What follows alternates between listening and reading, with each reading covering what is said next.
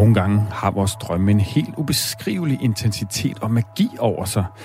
Og det gør, at når vi vågner af dem, så er vi ofte efterladt med følelsen af at have været i kontakt med noget, som er umådeligt større end os selv. Vi kan simpelthen vågne og føle os transformeret og som et helt andet menneske på mange måder.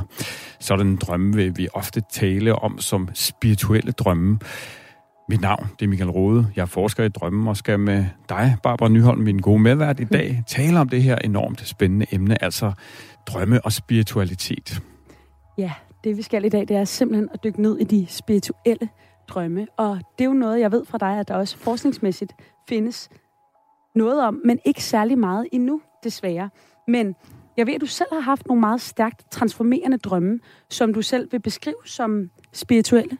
Ja, helt sikkert. For det første, ja, der er ikke voldsomt meget forskning endnu om de her ting. Øh, og, og jo, jeg har selv haft øh, øh nogle drømme, som øh, i den grad må betegnes som værende, ja, øh, hvis ikke spirituelle, så ved jeg i hvert fald ikke, hvad det er. Øh, så dem, øh, dem glæder jeg mig til at, at, at tale om. Det skal vi nemlig også gøre en hel masse i det her program, og jeg glæder mig virkelig meget til også at høre om nogle af dine lidt mere personlige drømme, Michael, som du mm. har valgt at tage med ind, og det er jo super generøst. Men vi skal jo ikke kun snakke om dine drømme, vi skal naturligvis også tale med en af jer lyttere om en af jeres drømme. Og i dag der er det 27-årige Anne Mette, som har drømt om at være ude på indlandsisen, og samtidig være ansvarlig for tre små børn, som i den her drøm drukner. Øh, en drøm, som virkelig har chokeret hende, og som hun gerne vil forstå bedre. Ja, man kan jo virkelig godt sige, selvfølgelig naturligt opleve som en meget ubehagelig drøm. Jeg er enormt spændt på at se, hvor samtalen med Anne Mette tager os hen i forhold til, hvad den drøm øh, prøver at fortælle hende. Det er jeg også enormt spændt på. Der er jo så meget, vi kan lære omkring os selv i vores drømme. Først og fremmest, så er der ikke andet at sige en rigtig hjertelig velkommen til Drømmespejlet. Du lytter til Drømmespejlet på Radio 4 med mig, Barbara Nyholm. Og Michael Rode. Ja, og Michael. Det vi jo altså skal snakke om, det er det her med de spirituelle drømme. Det er nemlig rigtigt. Det er nemlig rigtig, Barbara, øh, og det er jo øh, et, et stort tema på mange måder, øh, og, og hvad er egentlig en spirituel drøm, øh, kunne være et godt spørgsmål, hvordan søren definerer man det, ikke? Og, øh, og, og altså, forskningsmæssigt også enormt svært, svært ikke? Jeg har stødt på et ord som impactful dreams, altså sådan nogle drømme, der virkelig øh, øver indflydelse, men er det så spirituelt, eller hvad søren er det? Øh, igen, for mig er der noget sådan erfaringsmæssigt i, at det ofte er drømme, som, hvor der optræder en eller anden helt vild voldsom magisk energi. Det kan være en, en, øh, en ildkugle eller en, en kugle af en eller anden art, som måske lyser og skinner, og som øh, på en eller anden måde øver indflydelse på, på, på, på os i drømmen. Ikke? Øhm. Ja, fordi at når jeg bruger det her ord, spirituelle drømme, så føler jeg også, at det kan være rigtig, rigtig mange ting. Altså som jeg mm. forstår det på dig, så er det jo meget det her med noget overnaturligt, som indtræder i drømmen. Ja, det er sådan, altså, hvad er spiritualitet? Og, og det kan defineres på mange måder, ikke? For, for sådan, så lidt en, en, en gængs ting for rigtig mange, det er jo den her idé om, at der måske er noget større end os selv, øh, og det kan så øh, optræde i, i, i drømmene. Og derfor kan de her drømme også, øh, afhængig af, hvor man ligesom står i forhold til religion og tro for eksempel, så kan der jo optræde øh, religiøse figurer i ens øh, drømme, og det er egentlig et, et, et enormt spændende øh, tema, synes jeg, det her med, øh, hvornår er noget spirituelt, og, og jeg er jo øh, stødt på den her hvad kan man sige, øh, ordlyd omkring, at øh, spiritu- spirituality øh, unites, religion divides. Altså spiritualitet øh, er nok noget, der kan samle os mennesker på tværs af kulturer og tro, øh, hvor religion er det, der så kan adskille os, hvor spiritualiteten dybest set jo egentlig er et udtryk for det samme, nemlig en tro på, at der er noget, noget større, som, som vi kan række ud øh, til og tune ind på og, og bruge aktivt øh, i vores liv. Spændende. Men i dag, der skal vi jo også lidt mere ind på det her med religiøse motiver i drømmene, som du så kalder spirituelle drømme. Så jeg synes, det er meget spændende med den her forskel på det religiøse og det spirituelle. Det vi jo også skal nu, det er at tale om et studie, som du har med. Og jeg tænkte lige, vi lige skulle have navnet på det her studie. Ja, Hvad er det, helt, du har... helt sikkert. Det er, øh, det er fra en, øh, en, en journal, altså en forskningsjournal, øh, magasin, som hedder International øh, Journal of Dream Research, øh, som øh, studier er lidt ældre, det er fra 2013, men måske nok også et udtryk for, at, at lige det her felt er ikke det, der er undersøgt allermest.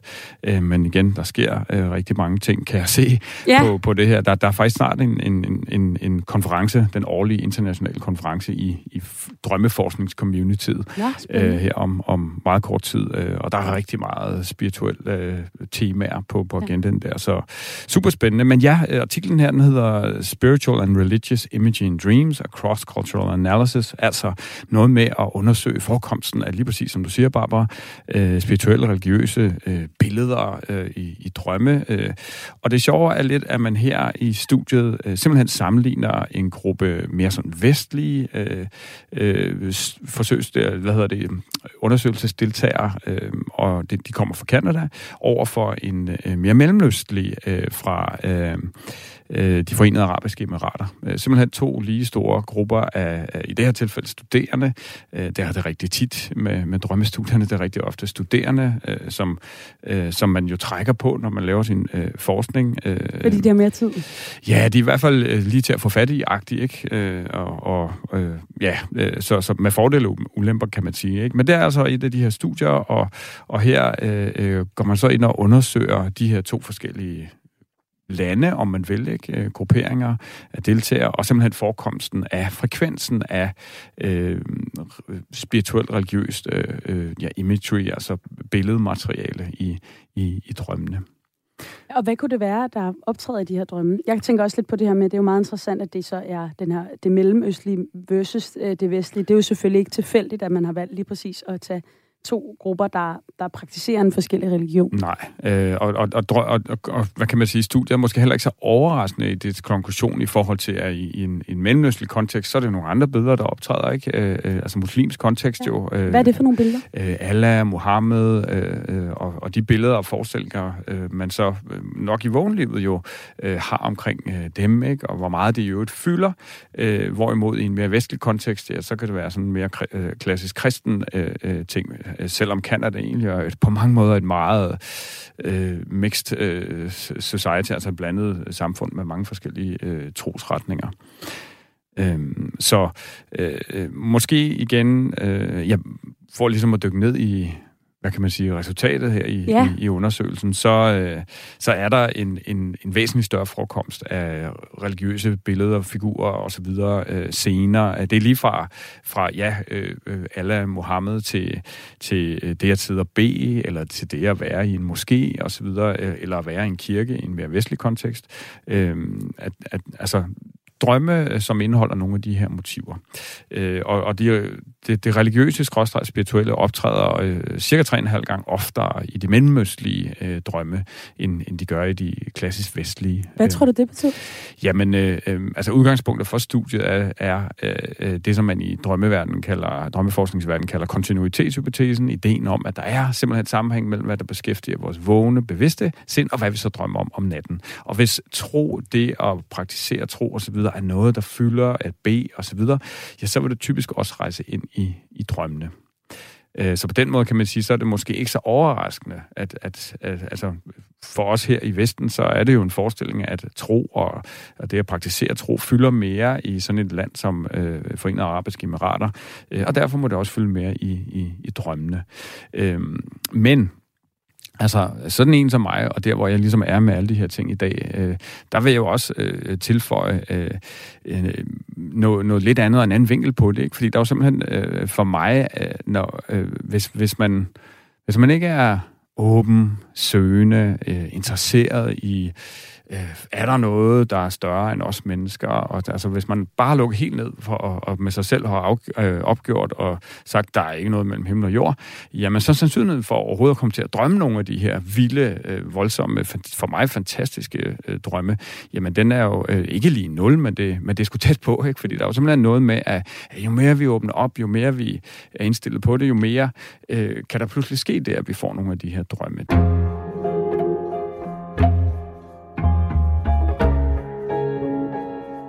Og Michael, har du selv haft nogle drømme, som har haft en spirituel karakter?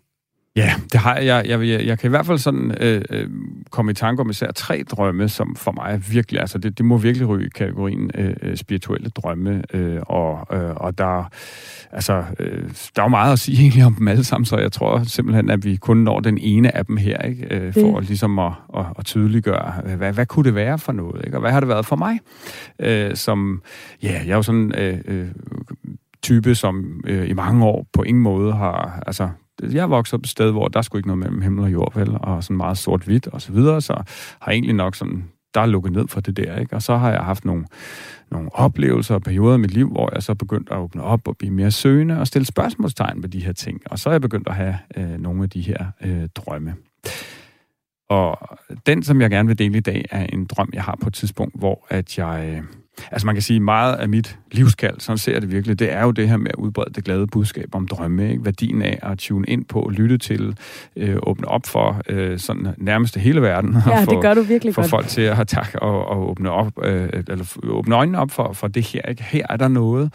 Øh, øh, så meget, at jeg jo simpelthen føler, at det er sådan lidt af noget gudsbestemt for mig. Ikke? Der er simpelthen større kræfter, der arbejder på, at det her det kommer til at lykkes for mig. Altså et eksempel for mig, som, som egentlig betyder meget, er, er for eksempel det her med, at øh, corona sidste år, øh, øh, jo 2020 øh, øh, virkelig gjorde det svært for sådan en som mig, der især er ude på arbejdspladser og holde foredrag om drømme, der kalder jeg det så ubevidst intelligens, gør en forskel.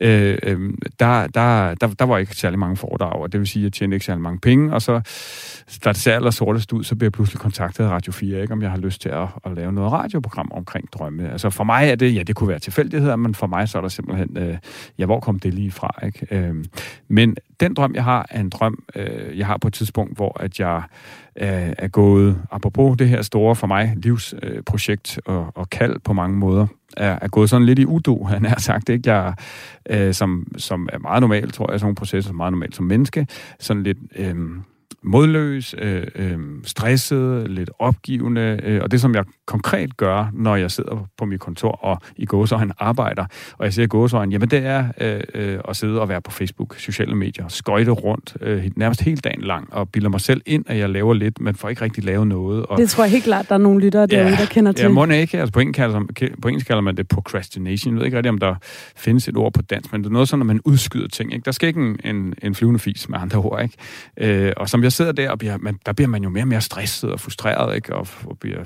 ja, det hele bliver lidt noget Det er skidt. en meget realistisk drøm, vi har med at gøre her ja. indtil videre. det kan man godt sige. Øh, for det, det her, det er jo virkeligheden, ikke? Men så drømmer jeg jo simpelthen, at jeg sidder bag min computerskærm, og som jeg sidder der og, og fløjter rundt på Facebook og, og så videre, og spilder tiden, med andre ord, så pludselig så kommer der sådan en, en, en mandsperson ud af den her skærm, som altså for mig, det ligner Gud, ikke? Altså som vi typisk i en vestlig kontekst øh, forestiller os ham. Han er godt nok ikke hvidt skæg, men... Han men, kommer simpelthen ud af din computerskærm, mens du sidder på Facebook. Ja, ja. Øh, og, og, og så siger han til mig, Michael, nu skal der altså ed og brodere med se at komme videre med det her drømmeprojekt, i stedet for at spille tiden på alt det der kan du så komme i gang? Og det er virkelig sådan øh, myndig stemme, ikke? Og sådan en løftet pegefinger nærmest følelse, ikke? Og, og det bliver sådan, for mig er det sådan, wow, buff, wake-up call på mange måder. Og sådan en drøm for mig, den understreger jo min opfattelse af, at det her, det er, det er sgu, øh, der, det er noget gudsbestemt, noget divine et eller andet, ikke? Øh, øh, øh, det her drømmeprojekt for mig, øh, når sådan noget sker, øh, at der kommer sådan en type der. Øh, og, for, og for mig, Jamen, jeg kan for eksempel bedst lide øh, ideen om, at der ligesom er noget, der minder om et menneske, jeg kan vende mig til, når jeg øh, for eksempel skal bede, eller skal, skal, skal vende alle mine frustrationer et sted hen og væk fra mig selv, øh, øh, så, så kan jeg godt lide ideen om, at, at det er noget menneskelinje, jeg kan henvende mig til. Men andre tror jeg mere, og kan bedre lige bruge ord som universet, eller kilden, mm. eller ja. Så den Gud, du øh, praktiserer og tror på, kom simpelthen til stede i den her drøm, og virkede jo også for dig som et form for wake-up call, der ja, faktisk gjorde... det var simpelthen at losse røven. Se ja. så komme videre, ikke? øh, og, og, ja, øh, for selveste Gud, så, så større ja. bliver du nærmest ikke vel.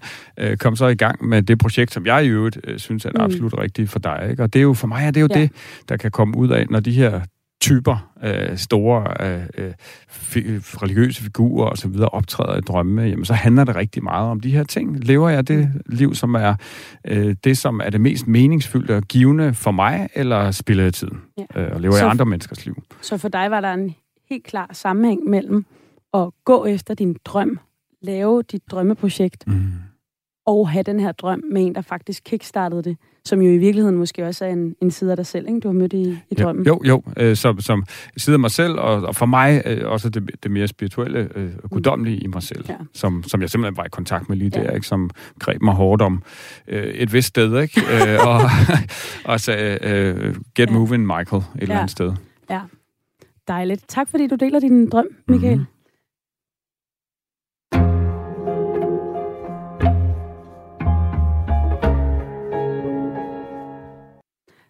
Michael, det var jo dig, der delte din egen religiøse drøm, men vi skal jo ikke kun høre om dine spirituelle drømme.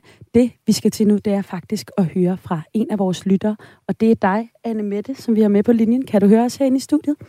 Ja, det kan jeg. Nej, hvor dejligt. Og hvor er du i landet? Jeg er i Randers. Dejligt. Og hvad laver du i Randers? Jeg øh, studerer pædagog lige nu. Mm-hmm. Jeg startede på pædagoguddannelsen i februar. Ja. Så det er stadig lidt nyt. Ja, det er det. Er det hårdt med eksamensperioden, eller er det okay? Jeg synes faktisk, det er okay.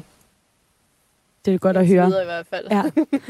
Det, øh, vi skal tale om i dag, det er jo en, en drøm, du har haft, som har, øh, har fulgt dig længe, kan man vist roligt sige. Og jeg tænkte på, øhm, Anne Mette, om du ikke har lyst til at dele din drøm med os? Jo. Øh, jamen, jeg drømte, jeg var på indlandsisen. Øh, og jeg var på indlandsisen med Lisbeth Østergaard og hendes mand Ralf.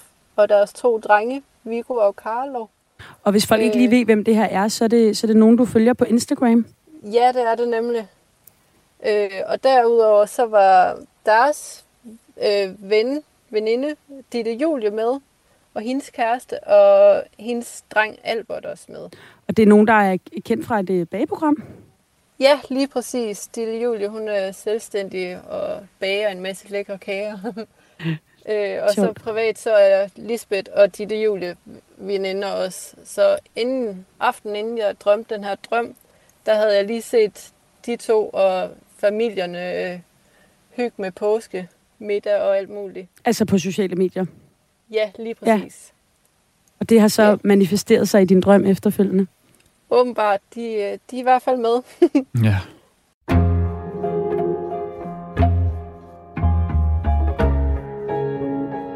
Og hvad sker der så i drømmen? Jamen, så drømmer jeg, at vi står på isen, og de her tre drenge, de sidder på en slæde, som jeg skubber ud på isen. Øh, og det har jeg gjort flere gange, og jeg siger, at nu er det altså sidste gang, at jeg vil skubbe dem. Og så da jeg skubber dem, så glider øh, slæden, den glider sådan skævt, og lander ude midt på noget tyndt is.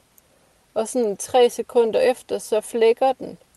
Og så alle de råber bare, nej, og så løber de ud mod dem.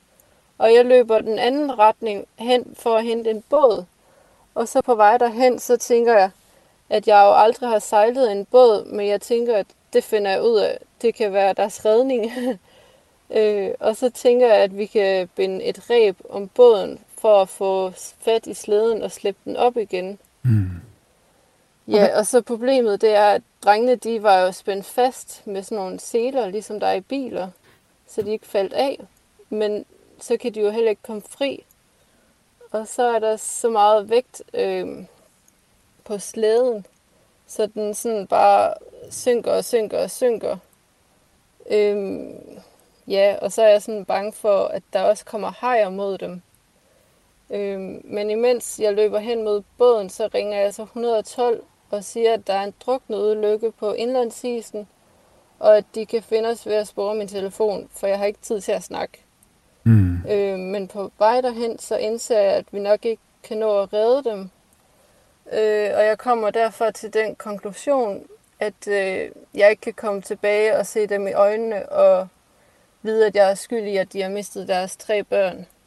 Ej, det er jo Og forfærdeligt. så, ja, og så kommer det voldsomt, at jeg derfor finder en pistol i båden, og så tænker jeg, at jeg skal skyde mig selv i hovedet, og ikke i hjertet, som de fleste gør. Det tænkte jeg. øh, men øh, jeg kan ikke nå at skrive et afskedsbrev, så jeg spørger alarmcentralen, om de ikke kan give en besked videre. Og jeg siger derfor undskyld til dem, jeg har, dem der har mistet deres børn, og siger farvel til min mor og far. Øh, og så tænker jeg, at jeg ikke kan nå at sige farvel til venner og så videre, så det må være det. Øh, og så vil jeg så gøre det så nemt som muligt for dem, der finder mig. Så jeg sætter mig i en kasse på båden, og så tænker jeg, at så skyder jeg mig selv i den, og så kan de bare fragte mig og slå låget ned, når de ikke gider at kigge på en død Anne Mette, og så vågnede jeg. Ej, Ja, meget voldsomt. drøm. helt vildt. Tusind tak Ja. for at, at dele din drøm, Anne Mette. Du lyder også sådan helt trist, når du fortæller den. Hvornår, Ja, hvornår havde du den Jamen. her drøm? det havde jeg den 4. april. Okay. Men ja, det sidder jo bare stadig i en, når man Mm. sådan kommer til at snakke om det.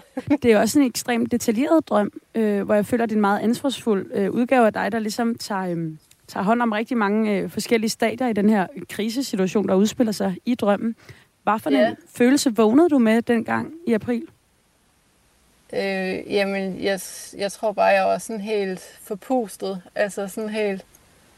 Øh, det havde bare været hårdt at drømme, så jeg var sådan...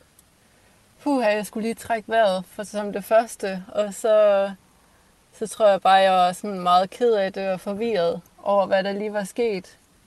Ja. Og sådan måske også havde en eller anden skyldfølelse, men jeg ved ikke hvorfor, men ja. Vi- Det var sådan mange følelser i en, da jeg vågnede i hvert fald. Det forstår jeg virkelig godt. Øh, det er også vildt, at man kan have en, en skyldfølelse omkring noget, som kun er sket i en drøm. Men har du Ja. en øh, idé om, hvorfor den her drøm blev hængende hos dig? Jamen, jeg, jeg ved det ikke. Jeg tror, det er fordi, at det, det var så voldsomt. Også at jeg sådan, både med, at jeg mister de tre børn, men også vil skyde mig selv og sådan noget. Så det er meget sådan, ja, En voldsom drøm.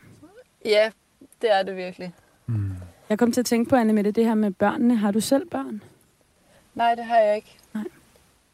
Men du er ved at uddanne dig til pædagog. Ja. Ja. Har du en kæreste? Er du single? Hvor, hvor står du henne med Jeg de har ting? en kæreste, ja. Mm. Jamen meget, meget, meget voldsom øh, drøm på mange måder, Anne Mette, øh, øh, som, øh, som, som jeg virkelig glæder mig til at dykke ned i. Øh, og der er jo virkelig noget med, kan man sige, at, at, øh, at, at der, er så, der, er så mange, der sker så mange ting i den drøm, ikke? Så, så, så det er da godt kunne tænke mig sådan øh, lige at, at, at præcisere lidt yderligere. Du siger, du har drømmen tilbage i april. Hvad, hvad konkret øh, sker der i virkeligheden lige der? Kan du huske tilbage til den tid? Nu er det jo lige nogle måneder siden. Altså det eneste, jeg sådan kan huske sådan ved, ved den tid, det var, at jeg nok skulle til at starte i skole øh, sådan fysisk. Ja. Det har jeg, jeg Fysisk, startede som i corona har gjort, at det ikke var fysisk. Ja, at vi har været online indtil da. Ja. Øhm, så det er sådan, hvad jeg lige kan huske, der er sket som det vildeste. Ellers så synes jeg ikke, der var noget. Har du været på Grønland selv? Nej, det har jeg nemlig ikke. Så der er ikke nogen relation der. Men jeg kunne godt tænke mig det. Ja, Ja, ja. det forstår jeg Øhm, godt. Men det er jo øh, helt sikkert sådan vigtigt lige at få, få afstemt, om der, er, om der er noget derinde, vi sådan dykker ned i, i, i selve øh, drømmen. Du lytter til Drømmespejlet på Radio 4 med mig, Barbara Nyholm. Og Michael Rode. Jeg synes, der er rigtig mange øh, øh, ting i, i, i drømmen, Anne, Anne Mette. Kan, kan du huske, hvordan du har det øh, sådan følelsesmæssigt, dengang du så skal til at starte på skolen igen? Øh, øh, hvad, hvad, hvad, hvad fylder i dine tanker og følelser på det tidspunkt? Øhm, jeg tror måske, det sådan fylder meget med, hvordan at jeg skal, ja, hvordan man sådan skal, ja, jeg ved ikke ordet, men sådan promovere sig selv, hvordan man skal vise, at man er selvsikker, selvom man nok ikke er det. Og sådan, Ja. Altså, jeg er sådan, måske meget været øh, den meget generede type, og sådan, så jeg vil gerne sådan prøve, når nu det var noget nyt, og sådan prøve at vise, at, at det er jeg ikke. og Ja, at, så- øh, ja. ja, at det nok har været, været sådan lidt Så, det, så, der fyldt meget, ja. så helt grundlæggende er det simpelthen noget med, at det her det er altså første gang, du så skal møde dine studiekammerater. I har egentlig været i gang et stykke tid, men I har, egentlig, I har ikke rigtig mødtes fysisk før. Ja, Ja, og det er jo altså, selvfølgelig en, altså udefra set øh, en, en, en stor ting et eller andet sted, ikke? Øh, Og, og derfor Mm. naturligt nok at have de her øh, følelser, øh, som, som du sætter ord på der. Anne Mette, tusind tak, fordi du vil dele din drøm med os. Lige om lidt, så skal vi, lige om lidt, så skal vi jo gå meget mere ind i den her drøm, fordi at Michael han skal hjælpe dig med at forstå den og med at tolke den. Men først, så skal vi altså lige have nogle nyheder. Du lytter til Drømmespejlet på Radio 4 med mig, Barbara Nyholm. Og Michael Rode. Du lytter til Drømmespejlet med mig, Barbara Nyholm, og min medvært Michael Rode, som er drømmeforsker. Nu skal vi i gang med at tolke vores lytter Anne Mettes drøm. En drøm, der blandt andet omhandler tre børn, der drukner et sted på indlandsisen. Og Anne Mette, du er stadig med os? Ja, det er Anne Mette, noget, noget op, åbningsscenen, det er jo simpelthen den her indlandsis, ikke? Det, det er jo, øh, du nåede lige inden, øh, inden øh, nyhederne her at sætte ord på, at, at du altså ikke har været på Grønland før, du har mange år ikke været der. Øh, øh, så, så ud fra at se sådan i drømmesproget, så virker det jo, øh, altså for mig jo øh, meget afgørende, at det hele lige øh, øh starter øh, der. Øh, øh, hvad forbinder du selv sådan med indlandsisen? Hvad, hvad kommer du til at tænke på, når, jeg, når vi når du ser det for dig, eller vi taler om det? Jeg tænker kulde. ja? Øh, ja, det er sådan lige det første, jeg tænker med det. Ja, altså der er simpelthen noget, ja, der er jo noget vand, en masse vand, der, der er frostet til is der, kan man sige. Ja. Øh, øh, og øh, jamen, igen, det er bare for mig med, med sådan en drøm, så, så ting øh, øh, sjældent øh, helt, helt tilfældige, ikke? Så når, når det ligesom starter der, så kan der jo virkelig være noget øh, om det, øh, og, og derfor er det vigtigt at starte med ligesom at sige, du har, om du har nogen relation til, til indlandsisen, og det, og det har du så ikke. Øh, og derfor betyder det måske endnu mere, kan man sige, sådan den her potentielt mere symbolske betydning af øh, isen og det tilfrosne og det kolde, som du ligesom selv øh, sætter ord på, og det ligesom er der, det, det starter. Øhm, øh, og, og det kan vi så dykke ned i, øh, øh, sådan i forhold til... Der kan jo for eksempel være en sammenhæng til, til følelser, du potentielt har, måske ikke er så bevidste om, i forhold til det at skulle starte på skolen, for eksempel, i og med, at du har drømmen lige der. Men, men jeg synes også, der er noget i at starte med, med din relation eller forhold til, til alle de her øh, mennesker, som optræder i drømmen. Du følger dem på sociale medier, og du øh, hvad kan man sige, aften for inden har du, har du simpelthen set et, et billede, hvor at øh, de sammen, de her øh, mennesker, holder øh, påskefrokost, ikke? Og, og, og hygger sig og sådan noget. Hvad, hmm, hvad, hvad, hvad, hvad, hvad gør det at se det øh, på Instagram? Hvad, altså, hvad, hvad gør det ved dig? Kan du huske, har du nogle følelser bagefter, eller er der et eller andet, der, der sådan dukker op?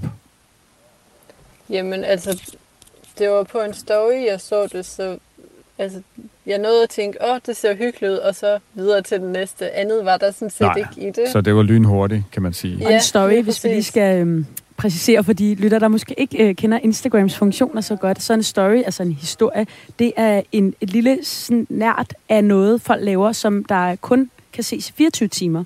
Så øh, mange bruger ja. stories sådan lidt mere øh, i flæng og sådan lidt mere forkastet, hvor når man poster et billede, så bliver det der jo ligesom for evigt. Mm. Så stories er tit sådan ret personlige, og det er meget sådan hverdagsmomenter, som også mange bloggere måske øh, øh, godt kan lide at bruge for at vise, hvad de går og laver bag kulisserne. Ja. ja. Hvordan med de her mennesker, øh, Anne Mette, er det nogen, du sådan, ja nu følger du, men er det nogen, du sådan ser op til, eller, eller hvad, hvad, hvordan vil du, hvad vil du sige om din relation til dem? Mm. Jamen det, altså ved Lisbeth Østergaard, der synes jeg jo, hun er en øh, sej kvinde med masser af god energi og livsløst, og har en dejlig familie og sådan noget. Ja. Og hvor? Og egentlig det samme med Ditte Julie også. Og hvor, øh, altså Lisbeth der, hvad er det for en relation, du har? Altså, hvad er det, hun er kendt for? Uh, øh, jamen det må være sådan nogle tv-programmer og sådan lidt af hvert, tænker jeg. Så hun, for dig er det ikke bare en, du har set i tv, det er faktisk det, hun poster, og den måde, hun er på sociale medier, altså den udgave ja. af hende, hun er der, som du synes er inspirerende? Ja, lige præcis. Mm. Så det er mere hendes personlige værdier måske, end, end at hun mere er sådan en, en frontfigur? Ja, det er det. Ja. Øhm, ja, altså, øh, øh, der, er jo, der er jo potentielt mange veje, man kan gå med, med, med den her øh, drøm, øh, og der er jo ingen tvivl om, at noget centralt, det er det her med de tre drenge, som, som du jo leger med på en eller anden måde, virker det som, ikke? Øh, er mm. ansvarlige for, øh, og det, ja, det virker som om, de egentlig har det sjovt, øh, og, og og presser på for, at du skal trække dem igen og igen og igen. Er det, er det rigtigt forstået? Ja, det er det nemlig. Ja.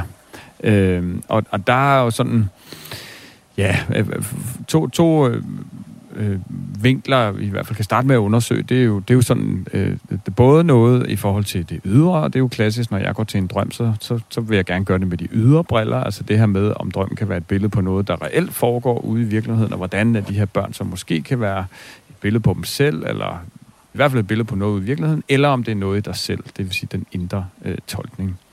Så hvis vi nu starter med den her ydertolkning, så, så står du jo øh, på det tidspunkt, hvor du har drømt et sted, hvor at, at du skal til at starte på... Øh, øh, ja, du har været i gang et stykke tid, men du skal mødes med dine studiekammerater for første gang, og du siger selv, du er sådan lidt optaget af og, øh, øh, tanker og følelser omkring, øh, øh, hvordan kan jeg nu jeg gør mig populær, eller sådan, øh, en, det, det var dine egne ord, det ikke rigtigt? Det var det, du sagde. Hvordan kan jeg ligesom gøre opmærksom på mig selv, eller...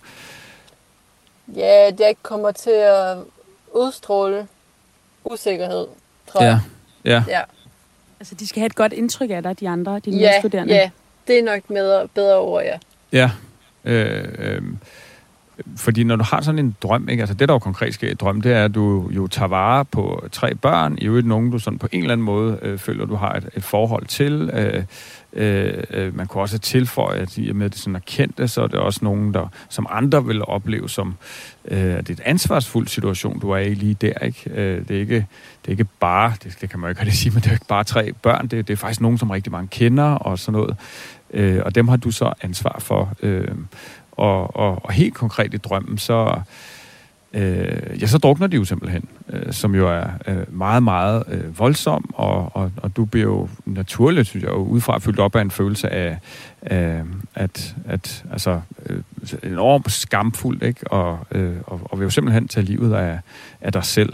Øh, altså, en vinkel på det her øh, er jo, øh, Øh, du, skal, du, skal, du læser til pædagog, øh, nu skal du til at mødes med de andre, som også læser til pædagog, øh, og en stor del af det at være pædagog, det er jo at tage bedst mulig vare på børn. Øh, så på en måde kan det jo være sådan lidt en, måske lidt for oplagt, men, men, men, men øh, drømmene er jo simpelthen meget direkte og lige til nogle gange. Øh, at, er der, har, har du nogen, altså hvad er dine tanker i forhold til det med at skulle være pædagog? Øh, har du nogle bekymringer der? Er der, altså, Mm, nej, det synes jeg faktisk ikke, at jeg har utroligt nok. ja? øh, ja, jeg tror, at øh, det bliver spændende, og øh, det er meget et nyt kapitel, der starter. Det er ikke noget, jeg sådan havde set komme for fem år siden, at jeg skulle være pædagog, for eksempel. Nej. Så, altså... Hvorfor det, valgte du at blive pædagog? Jamen, øh, jeg var meget usikker på, hvad jeg, hvad jeg skulle i livet. Øh, og så var der flere, der sådan sagde, ved du hvad, du, øh, du er sgu så varm og, og så god med børn. Øh, om det var noget, jeg havde overvejet. Mm-hmm. Så nej, det har jeg ikke. Øh, men så kom jeg så i nogle praktikker og var tilkalder vikar en børnehave og sådan nogle ting. Og så synes jeg egentlig, det var mega spændende. Ja. Øh, og så tænkte jeg, så skal vi da prøve den der pædagoguddannelse. ja. Øh, ja, så, så der er ikke nogen øh, direkte følelse af, at altså, man kan sige, at drømmene er jo tit udtryk for sådan ubevidste følelser, ikke? Øh, og, og, og, og en tanke der kan jo så være, at når du er bange for øh, følelsen af, hvordan du ligesom passer ind, og øh, om de andre ligesom kan lide dig, og de her ting, øh, altså kan det også være et udtryk for sådan det faglige, det at skulle være pædagog, øh, mm. øh, at, at, at det så kan give det mere overført øh, udtryk i en følelse hos dig af, af at, at ja, øh, man jo så selvfølgelig skal være fagligt dygtig for egentlig, at de andre så kan lide en og sådan noget. Øh, selvom at udefra set, så er der jo nærmest garanteret, at stort set alle andre, der starter øh, på det studie øh, på samme tid som dig, jamen de, må ikke de er, i et rimeligt omfang har nogle af de samme følelser. Øh, nu vil det i hvert fald ofte være, øh, selvfølgelig stærkt øh, individuelt. Øhm, men ja, øh, øh, så det var en vinkel på den her drøm, og en, en anden vinkel i forhold til børnene og, og det, at de dør. Øh, det, det kan jo så være den her mere øh, øh, indre, at, at, at, at børnene lige der kan være kan, kan, meget mere kan handle om dig selv, ikke? og potentielt et billede øh, på, på, på noget i dig selv. Og hvis vi så starter med, øh, hvad der for mig kan være en vinkel der, jamen så kan det handle om, øh, eller det vil give mening at, at, at, at tale lidt om hvad kan man sige, øh, øh, igen den her, helt konkret, så har du set det som en story på Instagram, sådan en meget kort øh, oplevelse, og her ser der nogle mennesker, som jo, sådan er det jo på de sociale medier, ikke? Alt ser godt ud, alt er godt, øh, vi klarer os godt, øh, øh, øh, og øh, ja, øh, det, det, det lyserøde et eller andet sted, øh, hvor at øh, alle os, der med jævne mellemrum poster på sociale, ved godt, at, på sociale medier ved godt, at virkeligheden ofte sådan er en, er en anden, ikke? At vi sjældent skriver om det, der så er, er, er, svært, kan man sige. Øh, altså, en vinkel, jeg synes er oplagt, det er at spørge ind til, det er det her med, øh, det at du lidt ser op til dem, og det at de lever det liv, de gør. Øh, øh, det at få børn og sådan noget, og have det der øh, øh, øh, i godsøjen øh, gode, sunde øh, familieliv. Øh, hvor, står det, hvor står du selv i forhold til det i dag? Tanker om det og forestillinger om det? Mm, jamen, øh, jeg har nemlig også selv været ved at tænke på, om det kunne være den vej, fordi jeg kunne jo også rigtig godt selv tænke mig at få børn og sådan noget, og så ved jeg ikke, om jeg måske har presset mig selv nogle gange i hovedet med, at der er så mange omkring mig, der får børn og sådan noget. Du er først i gang med uddannelse og sådan, at jeg sådan presser lidt mig selv sådan tidsmæssigt, om man kan nå det, agtigt. Ja. Om, om det også kunne have en påvirkning på drømmen. Ja, og sig noget mere, hvordan? Altså det der med, at ja, at jeg måske føler, at, at øh, der er sådan, øh, ja, hvad hedder sådan noget, at tiden render snart ud for at, kunne få børn-agtigt. Anne Mette, du er jo kun 27 år, vil jeg ja, tillade mig at sige. Godt. Fordi jeg faktisk har den samme alder. men øh, men øh, det er jo også forskelligt i forhold til, hvor man står. Men, men føler du et, et pres i forhold til det her med at få børn? Ja, det gør jeg. Det hvor kommer det pres fra? At, er det fra dig selv, tror du, eller fra omverdenen, eller kæresten, eller kan du sådan sige lidt mere om, Jamen, øh, hvor det kommer fra? Både, både familie, venner og mig selv. Ja. Øh, det er nok der, presset kommer fra.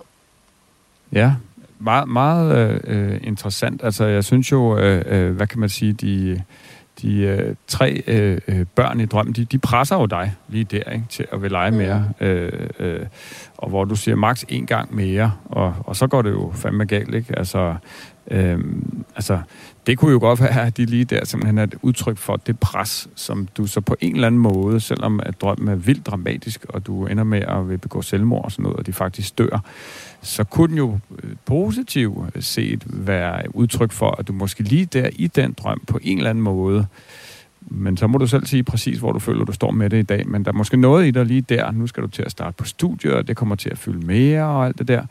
Øh, at, at lige der er der måske noget i dig, der siger, ikke lige nu. Nu siger jeg fra. Ja. ja. Hvad, hvad tænker du, når jeg siger det?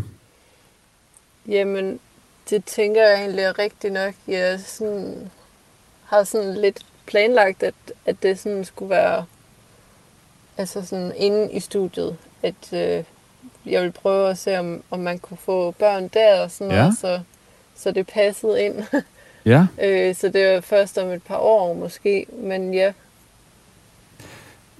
og hvad er det? Altså, det virker som om, du møder en, en modstand, altså nogle andre steder fra, i forhold til den her plan, som du, som du faktisk har. Mm. Ja, det ved jeg ikke. Men du oplever, altså, du oplever presset øh, om, omkring dig i forhold til, at det nu så er okay, at jeg tager den beslutning et eller andet sted, ikke? Øh, ja. Øh, øh, og, og det kan jo, altså, øh, altså drømmesproget er, er voldsomt, ikke? Og øh, i drømmen begår du selvmord. Altså, øh, det, det på en eller anden måde kan presset jo et eller andet sted være så stort fra din omgangskreds og fra dig selv på, at du altså øh, skal, du, altså, du er jo i den fødedygtige alder og alle de her ting.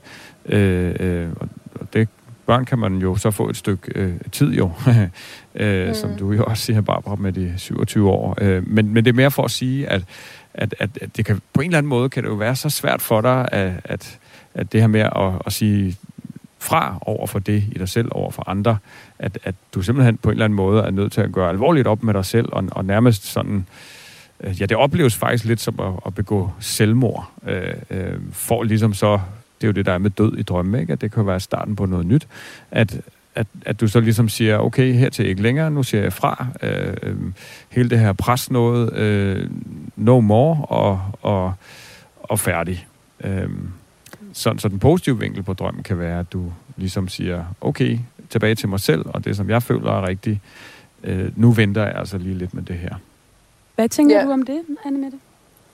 Det tænker jeg, at det er øh, rimelig oplagt, at det kunne være sådan i hvert fald. Øh, ja. Det her med, at du studerer til pædagog, og der er en masse andre børn, du skal tage dig af, tror du, det har indflydelse på dit valg om, hvornår du også vil være mor? Ja, det tror jeg også. Jeg tænker, at, øhm, at en ting er jo at, at skulle være mor for sine egne børn og passe på dem, men også at skulle gøre det til daglig i et erhverv og lære det, øh, som man jo gør, når man uddanner sig inden for faget. Øh, det er jo lidt dobbelt op på en måde, og jeg tænker på, ja. om det kunne, kunne spille ind i forhold til, til det pres, du føler. Ja, det tænker jeg da sagtens, det kunne. Øh... Og ja, øh, så, så er der både noget med, at du kommer jo til at skulle i praktik og så videre øh, i selve studiet, og kommer til at have en masse med børn at gøre der. Øh, ja. Og så vil du også øh, selv øh, gerne være mor. Øh, altså man kan sige, det er jo svært sådan helt at holde og afgøre ud for os, det du øh, selv jo siger her, om det lige er det ene og det andet. Ikke? Øh, øh, men der er jo virkelig noget i, at, at lige der, så det er som om, du på en eller anden måde øh, gør op med dig selv på en eller anden måde, at der sker noget meget, meget vigtigt, som i drømmen opleves sorg, sorgfuldt. Og det kan jo netop godt være, det er jo, på den måde er det jo sorgfuldt at ligesom sige, selvom det er et pres udefra, så kan man jo godt blive fyldt op af de her følelser af, at jamen, jeg skal også være mor, ikke? Og, men ja, men så er der jo altså også øh, Anne Mettes drøm om at blive pædagog lige nu og her, øh, som så øh, måske kommer til at fylde mere. Så når du ser Instagram, øh, det glorificerede familieliv, ikke? Øh, øh, som igen det ser ud på sociale medier, øh, ja. så, så, så er der måske noget i dig, der siger, ikke lige nu for at komme tilbage ja. til den. Ikke? At ja, det ser dejligt ud, og det er smukt, øh, men ikke lige nu. Anne Mette, vi skal så småt til at runde af, men øh, føler du, efter du har fået vendt den her drøm med os, at du er blevet klogere på, hvad det handler om? Ja, det føler jeg faktisk. Jeg synes, den var lidt svær til at starte med, hvordan man lige skulle uh, tolke den. Altså, jeg synes, der... så drømmer jeg rigtig meget, så jeg kan godt lide at tolke på drømme, men jeg synes, den her var lidt sværere fordi den var så voldsom på en eller anden måde. Ja, det er den der bestemt også. Øh, og der kan være noget i for dig, med, med, at du er så god til at huske din drøm. Det er jo fantastisk. Øh, så ligesom at bruge dem som, som, øh, øh, som hvad kan man sige, on, som løbende sparringspartner i forhold til, øh, er det lige nu med de der børn, eller hvor søren er jeg henne, ikke? Øh, øh, øh, er der noget, der er vigtigt? Øh, altså apropos det der med, hvornår det ligesom er for sent og sådan noget, der er drømmene jo altså også god til at, at, øh, at holde os opdateret på vores øh, øh, kropslige øh, tilstand. Det er jo sådan et helt andet stort øh, emne, ikke? men de såkaldte prodromale drømme hedder det. Dem, der ligesom fortæller os om vores kropstilstand. Herunder øh, øh, jo evnen til at, at blive gravid. Anne Mette, det er jo så spændende det her, og jeg håber, du kunne bruge den her tolkning lidt som et form for pejlemærke. Tænker du det? Ja, det tænker jeg i hvert fald, jeg kan. Det er jo super dejligt at høre. I hvert fald så, skulle du have, så skal du have tusind tak for, at du vil dele din drøm med os her i Drømmespejlet. Og husk til alle jer, der lytter med, hvis I kunne tænke jer at forstå jeres drøm bedre og få den tolket af Michael her i studiet, så er I altid velkommen til at skrive ind på spejlet radio4.dk, så kan det være, at vi også tolker den her i programmet. Anne Mette, tusind tak, fordi du var med os i dag. Ja, velbekomme. ha' det godt, Anne Mette. Du lytter til Drømmespejlet, hvor at det er ved at være tid til Drømmekassen. Drømmekassen. Det er brevkassen, hvor du kan spørge ind til alt, der handler om drømme. Hvorfor griner jeg nogle gange, når jeg sover? Hvorfor har jeg ofte mareridt om klovne? Har lyde i mine omgivelser indflydelse på det, jeg drømmer? Drømmer dyr? Hvordan drømmer blinde? Hvorfor har jeg sex med min mor i min drømme? Send dit spørgsmål til Drømmekassen til spejlet snablag radio4.dk. Du lytter altså til Drømmespejlet med mig, Barbara Nyholm, og dig, drømmeforsker Michael Rode. I dag i Drømmekassen, der har vi jo fået et, en henvendelse, mm-hmm. som er et spørgsmål fra Thomas, som jeg lige tænker, jeg vil læse op her. Hej, jeg er en ung mand, der for nylig er blevet opereret for forhudsforsnævning. I den forbindelse måtte jeg tre uger efter ikke have sex. Men inden for den periode oplevede jeg at vågne i smerter, fordi jeg havde haft en såkaldt våd drøm. Hvad er våde drømme? Er det det samme som andre slags drømme? Og er der nogen måde, man kan undgå dem på? Venlig hilsen, Thomas. Ja, bestemt ikke nogen øh, sjov situation for Thomas. Jeg kan godt forstå, at han, han, han, han spørger øh, ind til det. Øh, øh, og altså man kan sige, øh, for at tage det først, hvad er en våd drøm? Øh, jamen, altså, det, det tror jeg næsten op til en selv, hvordan man ligesom øh, definerer det, fordi øh, den gængse er jo, er jo noget med, at det simpelthen er, er sexy drøm, ikke? Øh, på den ene eller på den anden måde, om det er selve, altså om det er samleje, eller bare det er sådan noget erotisk, øh, øh, øh, et eller andet, som gør, at at, at, at, at man bliver opstemt og, og så øh, får rejsning. Øh, øh, det, det er jo, ja, hvis man skulle prøve at lave en definition, så ville det nok sådan være, det er ikke drømme, der giver anledning til øh, seksuel opstemthed øh, på den ene eller på den anden måde. Men øh, det, der lige her øh, er sindssygt vigtigt at få sat ord på, det er, at, at, øh, øh at den her ting med, at vi mænd har øh, rejsning, når vi øh, sover, det vil sige, når vi drømmer, er øh, noget, som øh, forekommer stort set hver eneste nat. Øh, meget naturlige ting, og fuldstændig uagtet, hvad vi i øvrigt drømmer om. Og det er sådan lidt øh, ny information for mange, på samme måde som øh, ja, kvinder, øh, Barbara, kan øh, øh have, øh, øh, øh hvad hedder det, øh, fyldt... Øh, opsvulmet med klitoris og så videre. øh, øh, altså også naturligt øh, og, og og det hele sker i øvrigt, når vi er i remsøvn. Det vil sige, der hvor vi drømmer mest, men det behøver ikke at være nogen direkte connect til Så det er faktisk en, en, en super naturlig ting? Det er nemlig en super naturlig ting, øh, og, og derfor kan man sige tilbage til, til, til Thomas her, når han, når han har den her udfordring, så, så vil det at undgå de våde drømme ikke nødvendigvis hjælpe ham, fordi at øh, biologisk set, så ses det egentlig som øh, en måde, hvorpå kroppen træner evnen til erektion, opstemthed og så videre. Øh, og derfor er evnen til at få børn jo. Øh, og, og i øvrigt bruger man det også til at afgøre, om folk er, er biologisk, øh, det er noget helt andet jo, biologisk øh, øh, reelt impotente, eller om det er mere psykologiske årsager til, at øh, man ikke kan og det er få rejsning. Det er nemlig rigtig spændende. der er nogen, der ligesom godt kan få rejsning i de våde drømme, Lige men præcis. ikke kan præstere, når det og så, så kan man tale om, ja. hvor kommer det så fra? Så er det jo noget ubalancer i forholdet, eller noget om ens selv. Det kan være alt muligt. Ikke? Men tilbage til Thomas' gode spørgsmål. Øh, altså, jeg tror, øh, lige med den her, øh, desværre kan man sige, så altså en måde at skulle undgå de, de våde drømme på, ja, det skulle være, hvad man virkelig prøver at tune ind på, hvad der fylder i ens hoved, når man falder i søvn. Men i og med det naturlige ting, at det sker det her, så, så tror jeg ikke, man kan undgå det. Så der er simpelthen noget med at øh, øh, ja, stå den ud øh, et eller andet sted, øh, og, og vente på, at måske smertestillende, ikke, for, for at komme forbi det her. Så hvis vi lige skal opsummere, så er en våd drøm jo en, en almindelig drøm, men ja. som ligesom tænder kroppen. Ja. Det kan både ske for mænd og kvinder. Det er faktisk lidt nyt for mig. Øh, jeg har aldrig tænkt, at, at kvinder på samme måde havde våde drømme. Selvfølgelig kan der ske ting i drømmene, men at det også kan have en fysisk øh, reaktion. Yes. Hmm? Ja. Super spændende, ja. Samtidig med, at kvinder i øvrigt har, har øh, hvad kan man sige, øh, ongoing løbende øh, aktivitet af, altså livmoderen trækker sig sammen, sammentrækning af livmoderen, øh, uagtet igen, hvad de drømmer om, som simpelthen ses som øh, øh, kroppens måde at forberede sig på at skulle føde og så videre, og holde det her i gang på en eller anden måde, ikke? I forhold til Thomas og hans øh, operation, så øh, er der altså ikke så meget at gøre for at undgå de våde drømme. Ja, igen, han kan tune ind på og prøve at tænke på nogle andre øh, kedelige øh, ting, ikke? Øh, øh, øh som, som øh, totalt turn-off-tanker. Øh, øh, men, øh, men i forhold til det at undgå rejsningerne, igen, som jo ikke behøver noget med de våde drømme at gøre, så, er det, så, så vil jeg sige, så er det simpelthen ret svært. Og der tror jeg mere, det er noget med, med, med smertestillende medicin og øh, altså, ja... ja. Øh, så den, den rejsning og de våde drømme behøves heller ikke at gå hånd i hånd. Og det er jo også en, en interessant info op for mig her. Tusind tak til Thomas for at skrive ind til os. Og husk, at I derude altid kan skrive ind med spørgsmål på spejlet snablag radio4.dk.